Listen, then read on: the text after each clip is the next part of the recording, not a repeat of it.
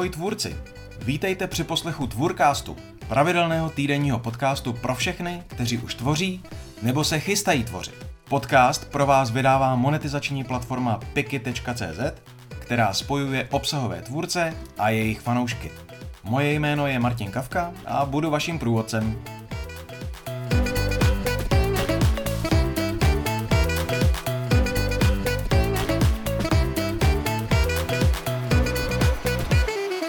Neužeňte se, tvořit můžete i v sériích. Tenhle díl Tvůrkástu je zadarmo pro všechny posluchače.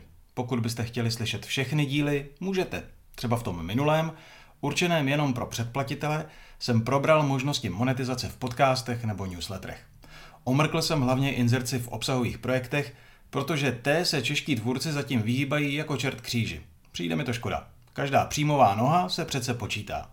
A tak jsem se podíval na to, kolik by taková reklama v podcastu nebo newsletteru mohla stát a jak by vlastně měla vypadat. Pokud o něčem takovém uvažujete, můžete si minulý díl poslechnout. Buď za jednorázový poplatek v ceně malého piva, nebo za měsíční předplatné. To stojí 99 korun a otevře se vám díky němu i naše online komunita obsahových tvůrců. Všechny informace najdete na www.tvůrcast.cz. A teď už k tématu dnešního dílu. Řeč bude o tom, co můžete u svých obsahových projektů okoukat od tvůrců televizních seriálů. Když je řeč o obsahových projektech, jsem velký fanda pravidelnosti a konzistentnosti. A často o tom mluvím. Téhle cestě fandím z jednoho prostého důvodu. Jsem vážně přesvědčený, že dlouhodobě nese nejlepší ovoce. Ale zároveň taky do zblbnutí říkám, že obsahový projekt je především vaše pískoviště. Můžete se s ním hrát, můžete experimentovat, můžete ho ohýbat jak chcete. Je to vaše hřiště, jsou to vaše bábovičky. Můžete je stavět, můžete je bourat. Nemusíte se snažit nadspat do obecných škatulek, můžete si to zkrátka dělat po svém. Právě to mě na světě vlastních obsahových projektů baví ze všeho nejvíc. Neexistuje jedna správná cesta, po které se musí vydat všichni. Kde pak? Těch cest je mnohem více. A, jak všichni víme, všechny vedou do Říma. Nejsem slepý a hluchý, už jsem přečetl dost reportů věnovaných ekonomice tvůrců na to, abych věděl, že spousta tvůrců při svém obsahovém maratonu narazila do zdi a vyhořela. Podle čísel i množících se článků, hlavně ze zahraničí, kde jsou vždycky ofouz napřed, je to jedno z největších rizik, které obsahové tvůrce může potkat. Jo, obsahové projekty můžou některým lidem zvenčí připadat jen jako taková srandička. Něco, co tvůrce baví a co dokážou dělat s prstem v nose celé roky. Nevidí do střev a nedokážou ocenit to obrovské nasazení, tu porci času, co tomu všichni věnujeme. A my jako tvůrci zase máme občas tendenci přehlížet tu blikající červenou kontrolku, přistupovat k tělu jako k nástroji. Až do chvíle, kdy nám vypoví službu. Co s tím? Vím, že můj důraz na pravidelnost a konzistenci bez výjimek je celkem vyčerpávající a nemusí vyhovovat všem. Navrh za dobu, co tvořím, jsem už pochopil, že člověk by měl svůj obsahový projekt přizpůsobit sobě. Rozhodně by to nemělo být naopak. Proto je možná čas udělat si audit toho, jak fungujete, aby vás to nesemlelo. Třeba cítíte, že tenhle železný rytmus zkrátka není pro vás. Není to ostuda, není to selhání, je to úplně normální. Ale pozor, aby bylo jasno. Taky si myslím, že to nejhorší, co jako tvůrci můžete udělat, je, že lidem něco slíbíte a pak svůj slib nedodržíte. Řekněme, že naberete na palubu desítky, stovky, tisíce odběratelů s tím, že jim každý měsíc pošlete newsletter. Ale pak se na půl roku beze slova odmlčíte. Nebo slíbíte, že budete tvořit týdenní podcast, abyste to nečekaně na pár měsíců zabalili. Co si myslíte, že se stane, až se znovu vynoříte na scéně? Že tam na vás budou čekat nadšené davy lidí? Chápu, že do tvorby může leco zvlítnout a pokud vás obsahový projekt neživí, můžete ho chtít na čas utlumit. Měli byste ovšem počítat s tím, že stejně tak je fér, když se na vás čtenáři nebo posluchači vybodnou. A už vám třeba ani nedají druhou šanci, natož třetí, čtvrtou, pátou. V tu chvíli je to podobné, jako byste svůj projekt strčili ze srázu. Nepřišlo by vám škoda, kdyby kus vaší předchozí práce přišel v niveč? Ale měl bych pro vás jedno fajn řešení, jak se popasovat s tím, když vám strohá pravidelnost nevyhovuje. A to řešení je, tradá, dávejte si pauzy, jak je libo. Jen je hezky pěkně naplánujte a řekněte o nich na férovku lidem. Přestávky můžou být fajn, abyste načerpali síly a vyhnuli se propasti vyhoření. A mají i pár dalších výhod, o kterých si ještě řekneme. Ale nejdřív bych chtěl trochu zarámovat, jak přestávky vůbec zapadají do světa obsahových tvůrců. Jednoduše. Jen se koukněte, jak to dělají autoři televizních seriálů.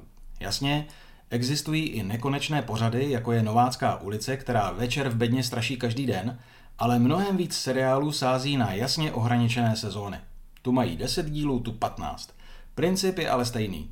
Tady máte svou dávku obsahu a na tu další si počkejte půl roku nebo klidně rok. For je v tom, že tahle sezónnost může fungovat nejen v televizi nebo na streamovacích platformách, v pohodě ji můžete přenést i do vlastního obsahového projektu, ať už jde o newsletter, podcast, blog nebo třeba YouTubeový kanál. Publikování s železnou pravidelností, jak ho praktikuju já sám, připomíná spravodajský, časopisecký přístup. A sezónnost, pokud se vám zalíbí, má zase více televizních rysů.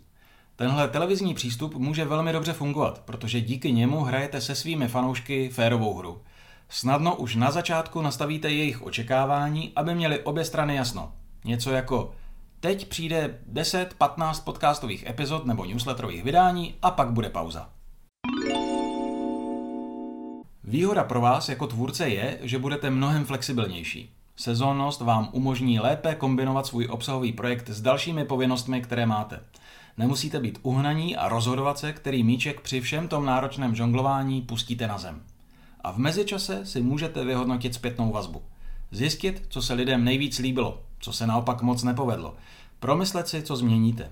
Kromě toho můžete během pauzy taky střádat nový materiál nebo hledat nová témata. Ale když na to přijde, můžete taky jednotlivé série propojovat a na konci každé z nich vytvářet lákačku na novou porci dílů, aby vaše publikum netrpělivě čekalo na to, co přijde. V seriálech se takové lákačce říká cliffhanger. Zkrátka, možností, jak můžete se sezónami pracovat, je docela dost. Stejně jako streamovací platformy navrh můžete přistoupit i k dávkování obsahu a třeba podcastovou sérii nebo videoseriál vypustit najednou. Stejně tak ovšem můžete epizody pouštět do světa v pravidelných intervalech. Chcete příklad takového přístupu z českého rybníčku? Uzavřenou podcastovou sérii vytvořili třeba Michel Losekot s Bárou Filáčkovou. Už jste slyšeli jejich plný kecky? Natočili 9 dílů jako audio i jako video. Jejich podcast je skvělý a posluchačky a posluchači si dodnes říkají o druhou řadu. To mi přijde super. Právě vzdělávací obsah v sezónách skvěle funguje, ale výborně to může fachat i v různých zábavních formátech, třeba v případě skutečných nebo fiktivních zločinů. Pokud o sezónách přemýšlíte, Vypište si témata a k ním si sepisujte relevantní podtémata, podle kterých si můžete chystanou řadu krok za krokem naplánovat. Je přitom fuk, jestli bude mít čtyři díly nebo jich bude 20. To záleží na vás. Je to vaše pískoviště. Pamatujete? Cílem je vytvořit tak dlouhou sezónu, abyste v ní dané téma kompletně představili a vyčerpali. Jakmile řeknete vše, co jste chtěli, skončete. Příště klidně můžete mít epizod nebo vydání více nebo méně. Však to z různých televizních seriálů taky znáte. Sezónní přístup k obsahovému projektu je fajnová menší sázka, při které si můžete spoustu věcí vyzkoušet a osahat, aniž byste se hned na začátku zavázali tvořit příštích pár let. Pokud si nejste jistí, jestli byste to zvládli, vyzkoušejte to. Jestli nechcete přijít o žádný díl Tvůrkástu, anebo byste se rádi přidali k naší komunitě zapálených obsahových tvůrců, mrkněte na www.tvůrkast.cz. Proč se k nám přidat? Vždycky je fajn mít parťáky, co se budeme povídat. Práce na obsahových projektech bývá často dost osamělá. Online komunitě na Discordu probíráme naše nápady, typy, strategie. To, co funguje i to, co nezabralo. Díky tomu si zkracujeme cestu a vyhýbáme se slepým uličkám. Myslím, že to je pro každého obsahového tvůrce kde zaplacení.